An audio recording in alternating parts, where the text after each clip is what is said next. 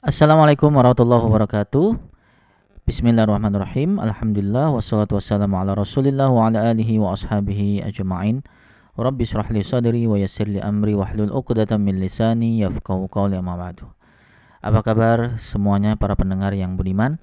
Insyaallah pada hari ini kita akan membahas satu tema yaitu tentang bagaimana cara kerja doa.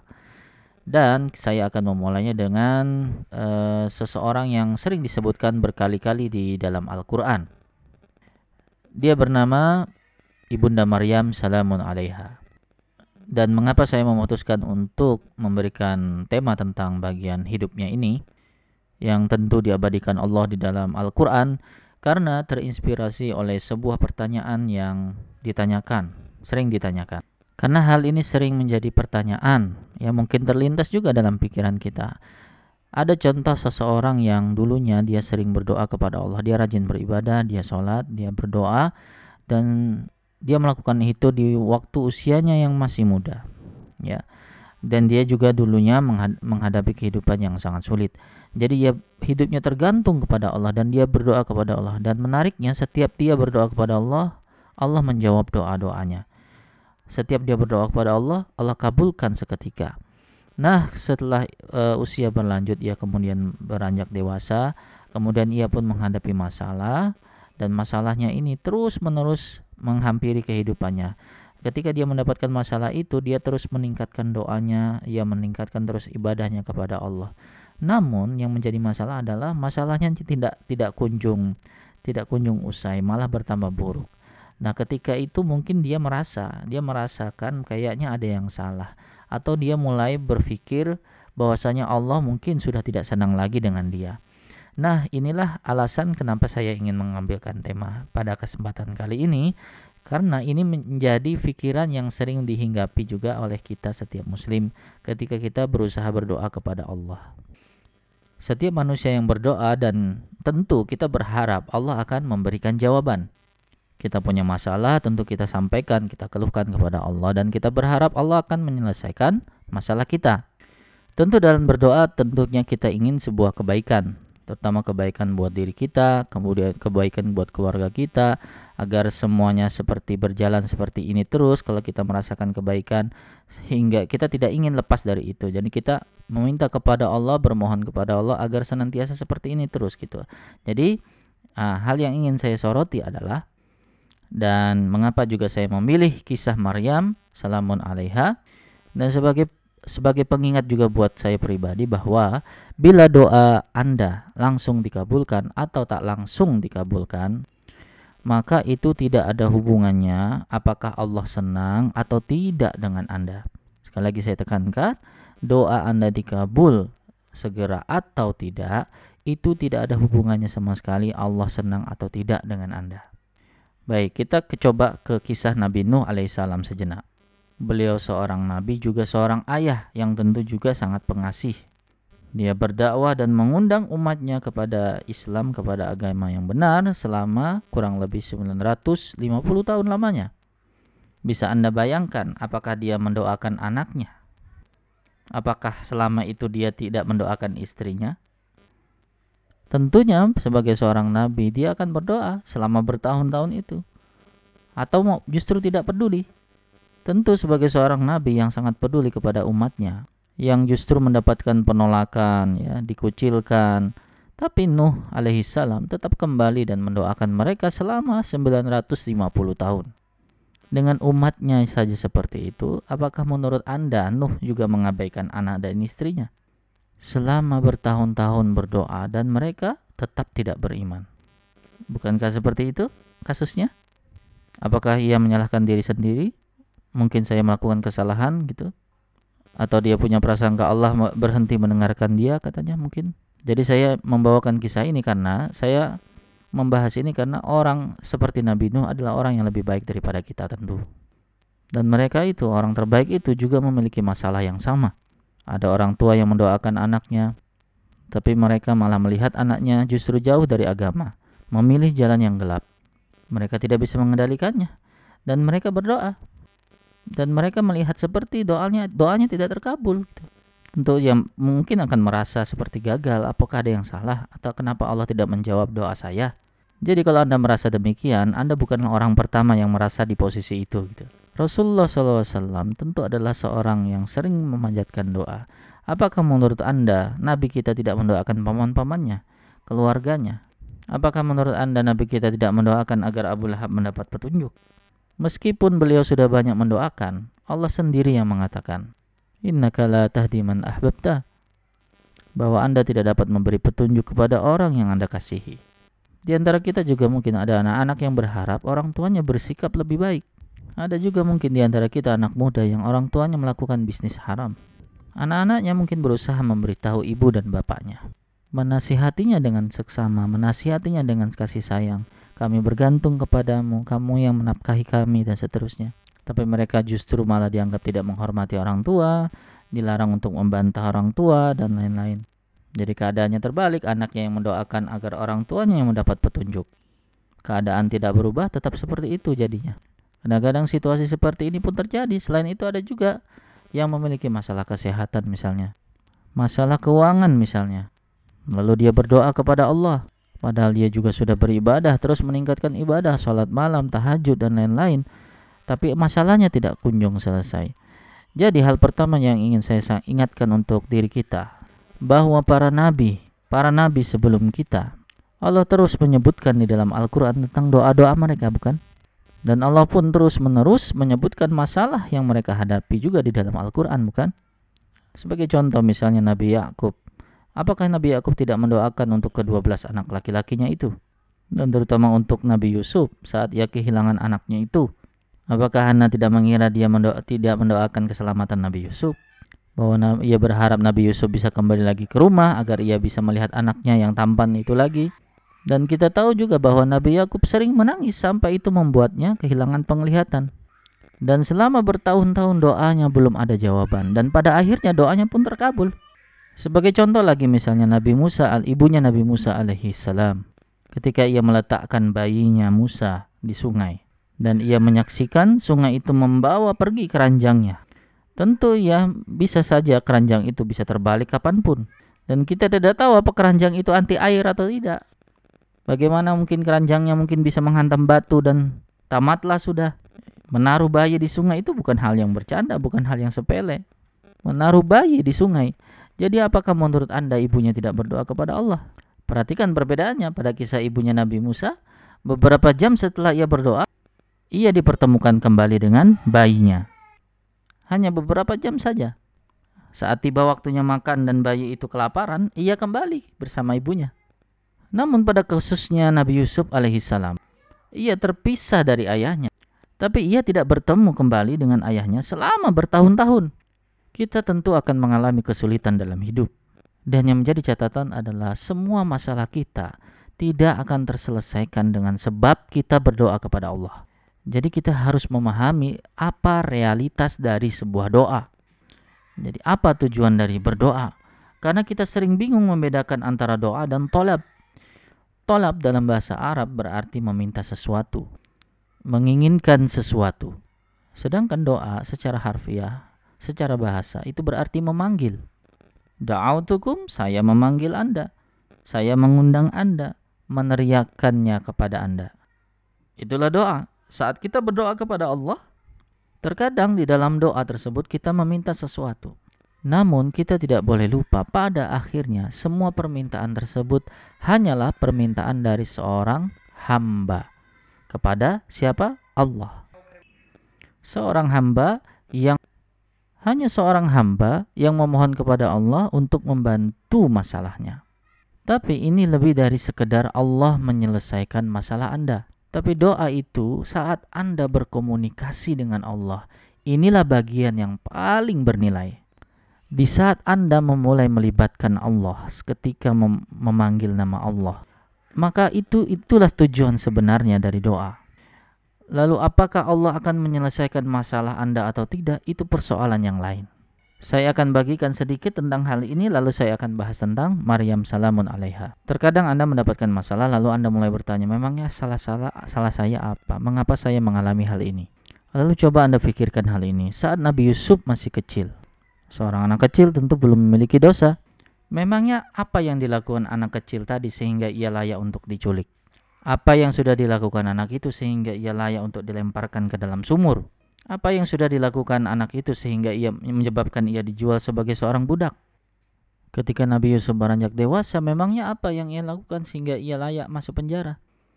Karena tuduhan palsu dan ia dipenjara selama beberapa tahun. Bukan lantaran karena tindakannya atau ia tidak bersalah, namun ia dipenjara beberapa tahun. Jadi ia menghadapi, Nabi Yusuf menghadapi beberapa masalah dalam hidupnya. Jika kita mungkin atau Anda yang mengalami hal itu, Anda mungkin akan berkata, ah, hidup ini tidak adil rasanya. Tapi apakah yang terjadi pada orang yang tidak beriman? Dia tak hanya mengatakan hidup ini tidak adil, tapi Allah tidak adil. Sampai seperti itu. Allah yang menimpakan Nabi Yusuf. Namun Allah berfirman di surah Yusuf, Allahu ghalibun ala amrihi dan Allah berkuasa terhadap segala urusannya. Jadi maksudnya gimana? Terkadang kita menghadapi kesulitan karena Allah tahu bahwa, bahwa akan ada sesuatu yang lebih baik. Dan terkadang hal yang lebih baik itu memang untuk Anda. Dan terkadang juga itu untuk orang lain. Terkadang bukan untuk Anda, terkadang juga untuk orang lain. Terkadang juga manfaat dari kesulitan itu akan Anda dapatkan saat Anda masih hidup. Namun terkadang manfaat itu juga baru akan Anda dapatkan saat Anda kembali kepada Allah. Coba kita kembali ke Nabi Yusuf alaihissalam. Seorang ayah terpisah dari anaknya. Tragedi kan? Tapi coba bayangkan misalnya jika Nabi Yusuf tak pernah diculik, maka ia tak akan pernah berada di sumur. Jika tak berada di sumur, maka ia tidak akan pernah berada di Mesir. Jika tak pernah di Mesir, maka ia tidak akan tumbuh di situ dan tidak, akan masuk penjara. Jika tak pernah masuk penjara, maka ia tak akan bertemu dengan dua orang yang ia tafsirkan mimpinya. Jika ia tak bertemu dengan dua orang itu, salah satu dari dua orang itu tak akan bertemu raja. Dan ketika sang raja melihat mimpi yang aneh dan orang itu tidak akan pernah berkata, saya kenal seseorang yang bisa menafsirkan mimpi Anda. Jika semua hal itu tidak terjadi, Anda tahu itu mimpi apa? Tujuh tahun yang baik di Mesir, dan tujuh tahun berikutnya tidak akan ada bahan pokok dan tidak ada panen. Orang-orang akan mati kelaparan. Jika Nabi Yusuf alaihissalam tidak dipenjara dan ia tidak dikeluarkan dari penjara untuk menafsirkan mimpi itu, maka akan terjadi krisis ekonomi dan krisis sosial di Mesir. Dan ratusan ribu anak-anak Mesir akan mati kelaparan. Jadi seorang anak menderita selama beberapa, beberapa tahun. Tapi lantaran dengan penderitaan anak itu Allah berencana untuk menyelamatkan banyak keluarga. Menyelamatkan banyak ayah dan ibu dari kehilangan anaknya akibat kelaparan karena rencananya, rencana Allah Subhanahu wa taala. Maka Nabi Yusuf dapat menafsirkan mimpi dan membantu rakyat saat ia menjadi bendahara negara. Jadi terkadang kesulitan yang kita alami adalah sedikit harga yang harus dibayarkan untuk banyak sekali kebaikan yang akan kita peroleh sekarang atau nanti di akhirat saat kita kembali kepada Allah Subhanahu wa taala. Jadi berdoa itu tidak sama dengan menaruh pesanan Nah, sekarang kita bahas kisah Maryam alaihissalam. Alaihissalam. Maryam salamun alaiha. Sejak Maryam masih kecil, proses kelahirannya pun agak cukup aneh dan ini ada di dalam Al-Qur'an. Tidak banyak orang yang kelahirannya ada di Al-Qur'an. Ibunya Maryam mengharapkan anak laki-laki tapi ia justru mendapatkan anak perempuan. Dan Allah Subhanahu wa taala berfirman, "Walaisa zakaru kal unsa." Yang memiliki beberapa penafsiran tapi saya sebutkan salah satunya bahwa anak perempuan ini tidak seperti anak laki-laki lain atau perempuan ini anak perempuan ini spesial. Dan ingatlah kalimat itu jika ada di antara kalian yang mengharapkan anak, Anda berharap misalnya ibumu atau ayah Anda dan seluruh keluarga besar Anda berharap mendapatkan anak laki-laki, namun justru Anda mendapatkan anak perempuan, ingatlah bahwa Allah tidak menyoroti kelahiran seorang anak seperti kisah kelahiran Maryam. Jadi sebuah kemuliaan memiliki anak perempuan itu karunia dari Allah. Dan itu adalah kebiasaan kaum musyrik apabila Anda kecewa jika memiliki anak perempuan. Zalla wajhuhu muswadda wa kazim. Mukanya menjadi hitam dan dia sangat marah karena ia mendapatkan anak perempuan. Jadi anak perempuan itu adalah berkah dan kemuliaan. Jadi kalau ada kecewa itu sama saja tidak menghormati pemberian Allah dan dan ayat Al-Qur'an jika Anda kecewa apabila memiliki anak perempuan. Jadi itu sekedar tambahan saja. Jadi Maryam salamun alaiha ini lahir dan ia diberikan tempat yang spesial. di tempat yang pada saat itu adalah tempat pusat ibadah Al-Aqsa. Dan Nabi Zakaria biasa merawatnya. Di mana ketika beliau selalu mengunjunginya untuk memastikan Maryam baik-baik saja karena Maryam berkhidmat atau uh, beribadah tinggal di rumah Allah ini. Kullama dakhala 'alaiha Zakaria al-mihrab wajada 'indaha rizqa. Setiap kali Nabi Zakaria masuk ke mihrabnya, maka ia menemukan buah-buahan di depannya. Dan dia heran, kemudian berkata, "Dari mana kamu dapatkan buah-buahan ini? Ini tidak tumbuh di sini." Katanya. Bahkan sekarang sedang tidak musim buah-buahan ini. Gitu. Lalu Maryam alaihissalam, uh, Maryam salamun alaiha berkata, "Qalat huwa min indillah." Makanan ini khusus datang dari Allah Subhanahu wa taala. Buah-buahan ini spesial datangnya dari Allah. Jadi bayangkan seseorang yang doanya dijawab dengan cara dikirimkan makanan dari langit khusus untuk wanita ini. Jadi saat wanita ini bercerita bahwa doanya dijawab, kisah tadi di awal sungguh ajaib Allah terlibat bahkan untuk urusan makanan. Sesuatu hal yang bisa kita ambil sendiri. Namun, ia tidak perlu bangun untuk mengambilnya atau capek-capek untuk mendapatkannya. Sungguh anak yang sangat spesial, wanita yang sangat spesial. Jadi yang ingin saya ceritakan tentang Maryam ini adalah bahwa apa yang terjadi kemudian di kehidupannya. Ketika ia beranjak dewasa, ada malaikat yang mengunjunginya. Dan malaikat tersebut memberitahukan bahwa ia akan memiliki anak. Tentu sebagai seorang wanita, dia akan berpikir bahwa saya saya kan belum menikah. Lalu bagaimana maksudnya saya memiliki anak? Lam yamsasni bashar. Tidak ada laki-laki yang pernah menyentuhku jadi apa maksudnya bahwa aku akan punya anak? Kazaliki qala rabbuk. Demikianlah Tuhanmu sudah mengumumkannya. Tentu ketika mendengar ini dia terkejut. Maryam sangat terkejut. Jadi apa yang harus dia lakukan? Mungkin dia akan berdoa kepada Allah dan berharap ini tidak akan terjadi kepadanya. Tapi ini sudah ditakdirkan akan terjadi. Akan saya percepat sedikit ceritanya supaya Anda menghargai apa yang akan terjadi pada wanita spesial ini. Setelah ia memiliki bayi atau bayinya sudah dilahirkan dan ia kembali ke kotanya, seluruh masyarakat melihatnya sebagai wanita yang ahli ibadah. Seorang wanita yang bahkan dalam pengasuhan seorang nabi, Nabi Zakaria. Jadi respon masyarakatnya ketika dia berjalan kembali dengan seorang bayi. Mereka semua mulai menghinanya. Bagaimana kamu bisa melakukan hal ini? Apa yang sudah engkau lakukan? Anda bayangkan, tidak ada satupun muslimah yang dapat membayangkan berada dalam situasi di mana ia menggendong bayi dan ada seseorang yang mengatakan bahwa itu anak haram. Tentu dia tidak akan sanggup membayangkan penghinaan yang seperti itu. Dan kita tidak akan bisa tahan tuduhan seperti itu pada adik, anak perempuan, atau ibu kita sekalipun kita tidak bisa membayangkan rasa sakitnya itu itu bahkan mencapai batas limit kemampuan manusia. Bagi umat muslim, kehormatan kita itu lebih penting daripada kehidupan kita.